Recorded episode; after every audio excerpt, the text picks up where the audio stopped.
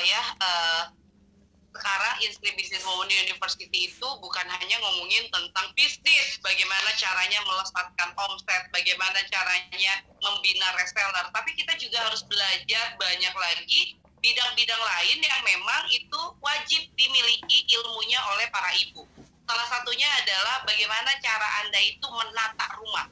Karena saya banyak sekali ketemu dengan ibu-ibu pebisnis yang ketika saya berkunjung ke rumahnya, rumahnya wah, berantakan banget. Dan saya sering mikir, eh nggak kusut nggak sih pikirannya gitu kan? Kusut nggak sih pikirannya dengan ruangan berantakan seperti ini? Ayo kita beresin. Pernah tuh ya teman-teman suatu hari saya tidak sama uh, pasukan saya dan rumahnya itu berantakannya minta ampun dan kemudian saya ikut beberes di sana. Saya ajarin bagaimana mengklasifikasikan uh, barang, kemudian saya ajarkan bagaimana uh, menata setiap uh, apa ruangan rumah. Dan itu beneran hasilnya itu bakalan bikin uh, hati kita juga ikut tertata. Jadi kalau saya bilang ya menata rumah itu seperti sedang menata hati. Ya jadi ketika kita lagi ngepel kita lagi membersihkan juga hati kita ketika kita lagi ngelapin itu lagi ngelap hati kita. Ketika kita sedang menata rumah memindahkan dari satu ruangan eh satu uh, tempat ke tempat yang lainnya dan terlihat indah itu sedang mengindahkan hati kita. Makanya saya seneng banget kalau ngomongin tentang menata rumah dan akhirnya memang di kelas di salah satu uh, program kita itu adalah bebenah rumah. Karena ini akan ada impactnya loh untuk diri kita dan juga untuk keluarga kita kebiasaan ibu menurun kepada anak-anaknya ibu yang memang tidak bisa membersihkan rumah sebenarnya bukan tidak bisa alasannya banyak yang tidak punya waktu ya makanya saya pengen uh, share kepada ibu-ibu masalah rumah masalah bisnis masalah pendidikan anak masalah apa pun bukan tidak bisa tapi harus dipaksakan bisa, dibiasakan. Setiap hari kita melakukan hal-hal yang sifatnya itu adalah pembiasaan. Sampai akhirnya yang kita dapatkan itu adalah terbiasa melakukannya, termasuk menata rumah. Ya, apa sih sebenarnya yang saya lakukan setiap hari dari bangun tidur sampai ke mau tidur lagi? Saya selalu memastikan bahwa ruangan setiap uh, ruangan rumah itu dalam kondisi bersih ya jadi kalau misalnya bangun tidur nih ya bangun tidur saya biasanya bangun jam 3 subuh kemudian sholat tahajud kemudian baca Quran kemudian saya pembinaan reseller kemudian saya juga sempatkan untuk menulis buku. Jam 5 itu saya sudah turun ke dapur teman-teman. Jadi turun ke dapur nyiapin sarapan ya. Kemudian uh, nyiapin Aisyah untuk mandi ya. Nanti saya sambil lihat juga ya. Sambil lihat anak-anak saya lagi ngapain nih di dalam. Nah, mana Aisyah? Oh, Aisyah lagi main. Nah, ini sisa-sisa uh, makan anak-anak nih di, di karpet nih. Biasanya mereka makan di karpet. Ini lagi pada mamam, Aisyahnya keluar dulu. Nah, saya itu harus memastikan bahwa kondisi rumah itu jam 5 subuh itu sudah mulai dirapikan ya jadi kayak dapur saja ini saya sudah masak teman-teman ya ini paling cuman dikit-dikit aja ini Amar ma makan es krim ini buang sampahnya saya nih kayak Amar ini udah udah sarapan dia sudah makan es krim kemudian buang sampah sampahnya masuk ke dalam lemari ah ya jadi sudah masak teman-teman sudah masak tapi kondisi dapur sudah kembali ya ini hanya uh, nasinya udah sisa sedikit karena udah diambil untuk sarapan. Nah, jadi ya jam 5 sampai sebelum ngezoom ini saya sudah memastikan kondisi ruangan itu sudah kembali rapi. Ya, ini juga sudah saya siapkan untuk uh, olahraga. Nah, untuk, untuk olahraga pun sudah saya siapkan dan di sini saya curi-curi waktu juga kadang berolahraga di saat pagi. Ini Aisyah lagi main juga Kemudian kondisi ruangan kerja sudah rapi siap untuk nanti uh, teman-teman uh, pasukan saya internal itu sudah mulai akan datang nanti jam 8 pagi. Ini sudah rapi banget. Dan saya memastikan bahwa semua karyawan pun sudah mengikuti pola atau standarisasi kerapihan yang ada di rumah saya. Ya, jadi mereka ketika datang sudah bersih, pulang pun kembali bersih ya. Ini sah buku-buku ya yang uh, mereka baca guidance book juga ditata seperti ini jadi masya Allah ya dengan kondisi rumah yang sangat rapi ini saya udah balik lagi ke teras rumah biasanya kami di sini dan saya juga ngezoom di sini ya. Saya tambahkan tanaman supaya lebih segar lah ya. Nah ini uh, teras rumah nanti dibuka biasanya karena saya juga jualan. Nah ini teman-teman juga kalau jualannya online pastikan teman-teman juga punya tempat untuk pajang uh, apa produk-produknya kayak gini saya jualan celengan kemudian sekarang saya sudah masuk di bukunya juga. Ya jadi teman-teman yang akhirnya datang ke sini pun mereka memahami nani eh Amar sebentar Amar Amar Amar saya itu sebentar ada meng simpan di lemari. Ya. Simpan di lemari masukin ke piring. Dan bisa dibilang uh, yang uh, ibu-ibu itu tidak bisa melakukan aktivitas semua aktivitas itu sendirian jadi saya sangat uh,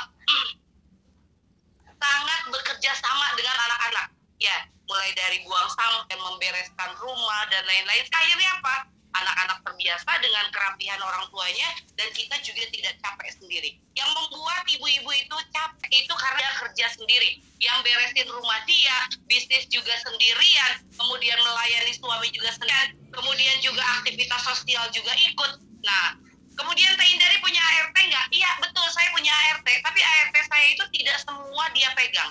ART saya itu yang pertama dia itu e, mencuci dan menyetrika itu adalah tugas dari ART. Kemudian mengingatkan dan menyiapkan minuman saya. Jadi saya tuh setiap uh, jam 5 itu saya sudah minum jus, kemudian juga nanti selesai zoom kayak gini saya dikasih jus lagi, kemudian diingatkan untuk minum. ART saya menyiapkan hal-hal seperti itu. Kemudian apalagi ya, jadi kalau pagi-pagi nyapu dan ngepel itu tetap bagiannya ART. Namun gitu kan aktivitas beberes yang lainnya banyak juga yang dilakukan oleh. Jadi berbagi tugas. ART itu bukan berarti dia mengerjakan semua pekerjaan rumah kita. Dan untuk ART pun saya punya yang namanya job desk khusus. Dari datang sampai kemudian pulang karena ART saya itu jam 8 uh, eh, pagi itu sudah pulang. Ya, jadi saya tidak bayi di uh, rumah.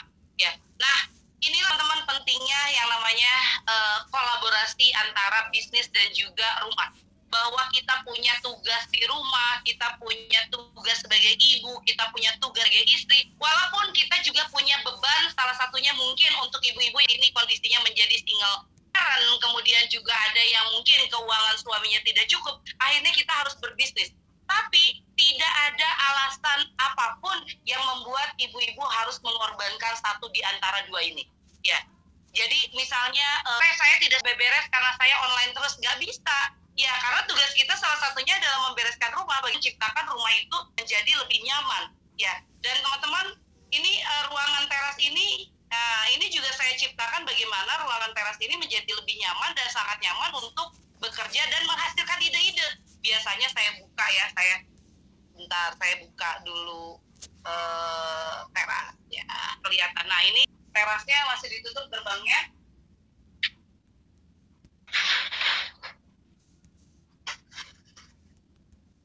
Nah, sudah lebih cerah. Nah, biasanya saya uh, di sini nih kerja gitu kan seger anginnya gitu ya. Kemudian juga di sini sambil kulakan ya kadang-kadang ada yang beli uh, celengan atau beli uh, uh, apa namanya itu buku apa pun secara offline. Nah, ini saya saya siapkan saya uh, saat bikin orang-orang itu tahu dari itu jual pasti gitu kan. Sebelum saya punya rak seperti ini pun saya punya yang namanya itu. Nah ini ya ini adalah rak buku ya. Rak buku di mana uh, karyawan dan teman-teman yang datang mereka dipersilakan untuk membuku banyak banget yang merasakan manfaat dengan adanya eh, buku-buku uh, yang ada di sini. Mereka bisa baca mereka bisa duduk dan kadang-kadang kita ngopi bareng sambil jajan atau kayak gimana lah. Inti adalah saya menciptakan bahwa rumah ini adalah tempat kita produktif tanpa batas ya. Yang kita rindu jangan sampai kita tidak merindukan rumah ya.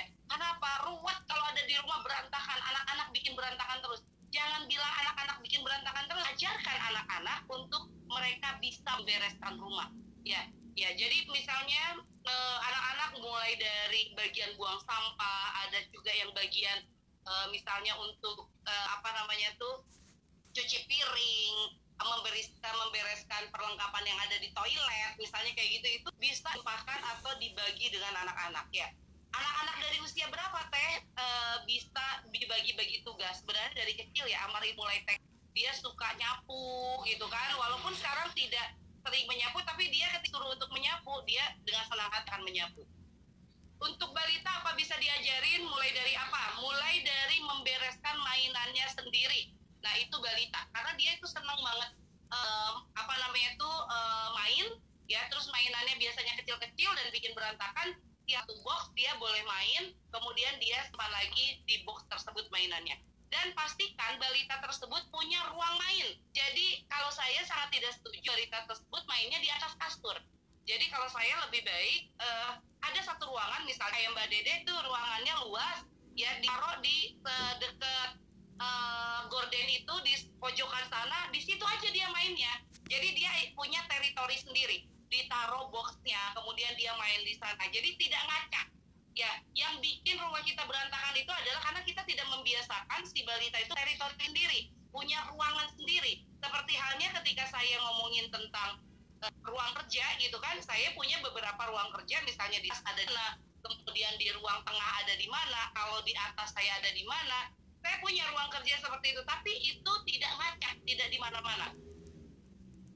Jika rumahnya kecil bagaimana saya jangan khawatir? Rumah saya juga kecil rumah saya itu hanya 59 meter persegi. Ya mungkin itu malah rumah jauh lebih besar dibandingkan saya. Tapi saya membuat rumah itu menjadi multifungsi. Contoh ini ya uh, ini adalah teras. Saya multifungsikan mulai dari perpustakaan kemudian ruang pajang produk kemudian taman kemudian juga sebelah sana tuh teman-teman ya kotak itu adalah ruang fotografi. Kemudian nah di belakang uh, bunga-bunga ini rumput-rumput ini itu adalah ruang musola. Ya di, di, di depannya musola ada yang kecil itu. Nah nah di ruang musola untuk e, menghalangi musola dengan meja itu adalah tempat penyimpanan sandal. Ya dan di sini pastinya adalah ruang untuk meeting juga kemudian juga ruang untuk kerja juga. Jadi buatlah bahwa satu ruangan itu bisa multifungsi. Ya hanya saja tinggal penata ah teteh bingung nih saya kalau mau menata kan ah saya juga belajar salah satunya dari Google dari YouTube. Kemudian alhamdulillah sekarang kita punya kelas bebenah rumah. Lalu kemudian salah satu tips yang ingin saya share kepada teman-teman adalah masya Allah ya jangan simpan sampah. Ya oh gitu teh? Emang ada orang yang nyimpan sampah tanpa sengaja kita sering menyimpan sampah? Misalnya barang-barang yang katanya punya kenangan baju yang udah kekecilan atau kegedean atau apa pun itu masih disimpan oleh kita. Kenangan uh, seragam SMP SMA katanya itu kenangan masih kita simpan. Kalau saya tidak ada. Rumah saya sangat efektif efisien. Yang ada di sini adalah apa yang saya pakai setiap hari. Ya bahkan kalau misalnya ada yang tidak dipakai setiap hari misalnya bendera nih setahun sekali saya simpannya bukan di tempat yang terlihat tapi disimpan di gudang e, kasur. Jadi kasur saya pun kalau ruangan e, tidur saya itu mungkin ukurannya sekitar tiga kali tiga kali ya atau tiga kali empat. Itu penuh dengan e, kasur dan di bawahnya itu adalah gudang. Ya gudang kecil. Jadi biasanya saya naruh produk-produk atau naruh e, e, barang saya yang dipakainya tiga bulan sekali atau setahun sekali itu taruhnya di gudang. Jadi bukan di lemari di lemari hanya yang saya pakai setiap hari. Ya jadi teman-teman masya Allah penataan itu dimulai dari jangan menyimpan sampah sehingga teman-teman tidak bingung ini disimpan di mana ini disimpan di mana. Saking banyaknya produk atau barang yang sebetulnya itu sudah udah nggak bisa kita pakai lagi udah nggak perlu kita pakai lagi itu udah bisa dibuang dari rumah kita dan itu sudah bisa uh, di apa namanya itu disedekahkan oleh kita. Jadi jangan sayang untuk buang barang atau sedekahkan barang yang lama tidak terpakai. Ya, bagaimana teh caranya kita tahu barang itu tidak terpakai atau tidak? Ya uji coba saja, ya. Masukkan misalnya ke dalam ruangan khusus ya barang-barang. Kemudian kalau dalam satu bulan kita tidak ingat atau bahkan tidak kita pakai, ya udah tinggal dibuang aja. Ya, jadi jangan simpan terlalu banyak barang. Apalagi sekarang teman-teman, masya Allah, ya mungkin teman-teman yang di rumah kebanjiran, saya punya banyak barang. Sekarang lagi uh, ada beberapa uh, bencana alam. Ya, pasti mereka butuh baju, mereka butuh celana, mereka butuh mukena. Silahkan, ya cari barang-barang yang ada di rumah yang bisa disedekahkan. Masya Allah. Ya, nah bagaimana kemudian setelah itu teman-teman supaya kita selalu nyaman di rumah, selalu merasa bahwa rumah adalah ruang aktivitas, selalu uh, selalu uh, bergerak setiap hari dan selalu berpikir bahwa di sinilah rumah kita, di sinilah surganya kita. Kalau kita ngomongin tentang surga, masya Allah, ya surganya kita itu ada di rumah, ya bukan di mana-mana, ada di rumah, ya. Makanya self kita juga harus bagus. Rumah ini adalah rumah surganya kita tempat yang akan membuat kita nyaman, tempat produktivitas kita, kemudian yang terjadi adalah ya kita akan selalu penuh dengan ide ketika ada di rumah. Bahkan saya tuh selalu pengen pulang ya kalau misalnya saya berangkat kopdar atau ngajar di luar kota, selalu rindu sama rumah. Ya dan saya pengen bahwa teman-teman pun merasakan hal itu jangan sampai rumah itu adalah bikin panas otak kita. Ya, Nah, self talk itu juga sangat penting. Ya, ini rumah saya, biarpun kecil ini penuh manfaat. Rumah saya ini biarpun kecil akan menghasilkan produktivitas yang luar biasa. Begitu seterusnya self talk. Dan dari situ yang akan menggerakkan bagaimana kita kemudian standby di rumah, stay at home, tapi bagaimana kita terus bergerak setiap hari dari rumah kita tidak peduli rumah kita kecil, tidak peduli rumah kita itu sebesar apa atau sekecil apa, bukan besar kecilnya, tapi bagaimana kita me, me, apa, memanajemeni rumah kita. Ya, terus eh, tambahan lagi untuk bikin rumah kita menjadi lebih nyaman setiap hari, ya maka bangunlah tidur dengan penuh rasa syukur, ya jangan lihat aduh rumahku bocor, ah udah deh jadi nggak semangat, ya kemudian kita tidurlah dengan bahagia dan bangunlah dengan bahagia. Biasanya kalau kita tidur dengan bahagia, kita akan bangun dengan bahagia. Maka mulailah tidur dengan kebahagiaan dan penuh rasa syukur, maka kita akan bangun dengan bahagia dan juga penuh rasa syukur. Masya Allah, teman-teman. Arfi, ada pertanyaan lagi? Barangkali silakan Vi. Oke teh, katanya beli hiasan rumputnya di mana? Kayak itu teh yang menggelantung menggelantung kayaknya. Apa? Beli hiasan rumah di mana ya? Iya. Oke. Beli hiasan rumah di mana teh? Kayak rumput-rumput banyak teman-teman ya? Kalau sekarang ini uh, saya kasih lihat ya ini saya beli hiasan rumahnya nggak langsung brok banyak jadi saya juga tidak rekomen teman-teman karena ngelihat rumah saya banyak ijo-ijonya, kemudian sekarang langsung belanja gitu ya banyak hiasan rumah. Nggak perlu. Kalau rumah saya itu bisa dibilang namanya itu rumah tumbuh. Ya jadi rumah tumbuh itu uh, rumah yang setiap saat itu ditambah uh, apa ya bedanya gitu ya. Kalau rumah tumbuh itu yang awalnya dia cuma satu uh, kamar saja, kemudian disekat jadi sekian kamar, kemudian dinaikkan. Jadi berkala. Jadi teman-teman pun kalau mau beli uh, rumput-rumputan kayak begini, silahkan nanti teman-teman bisa uh, beli secara online saja ya. Kayak misalnya di Tokopedia gitu kan. Kemudian di Shopee, saya juga kadang beli di sana. Kalau di sini itu ada namanya Pasar Baru, kemudian ada juga Cihideng. Kalau ini uh, yang tanaman yang realnya ya saya suka beli di Cihideng. Tapi banyak kok sekarang itu yang mereka ini memang sudah uh, jualan produk-produk uh, hijau untuk menghijaukan rumah seperti ini. Kayak misalnya di belakang saya itu ya ini saya ambil di pasar baru gitu kan. Dan tidak tidak langsung saya desain uh, rumah saya itu langsung sehijau ini. Ya tetap satu persatu beli satu kemudian kalau ada uang lagi beli dua gitu kan. E, jadi akhirnya dengan nyicil seperti itu akhirnya rumah kita jadi indah. Lalu satu tips lagi kalau teman-teman pengen e, rumah indah dengan cepat bisa menggunakan wallpaper. Ya jadi wallpaper itu misalnya nih ngecat itu bisa berkali-kali kalau wallpaper itu sekali tempel bisa sampai tahunan. Ini saya mau kasih lihat ya wallpaper ya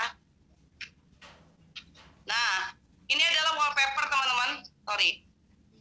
Nah, ini wallpaper, wallpaper bunga. Ya ini, ayah ada wallpaper ini udah lima tahun ya? lebih sudah lebih lima tahun tapi masih kelihatan bagus dan waktu itu kita beli berapa ya Ais semeternya ya cuma 12 ribu cuma 12 ribu tapi ini sudah enam tahun saya pakai wallpaper ini dan masih kelihatan bagus aja tuh pakai wallpaper. Ya sekarang eh, dapur saya pun pakai wallpaper. Ya kalau dapur berapa ya? Waktu itu kita bikin ya per meternya ya dapur. Ya. Ya. Ini lebih mahal katanya pakai stiker print kemudian juga kamar mandi. Mau saya lihat ini kamar mandi. Nah ini ini kamar mandi saya ya eh saya pakai wallpaper juga supaya lebih indah kamar mandinya. Jadi kita bisa nengok-nengok pemandangan. Nah ini kamar mandi saya pakai wallpaper. Kemarin-kemarin nggak begitu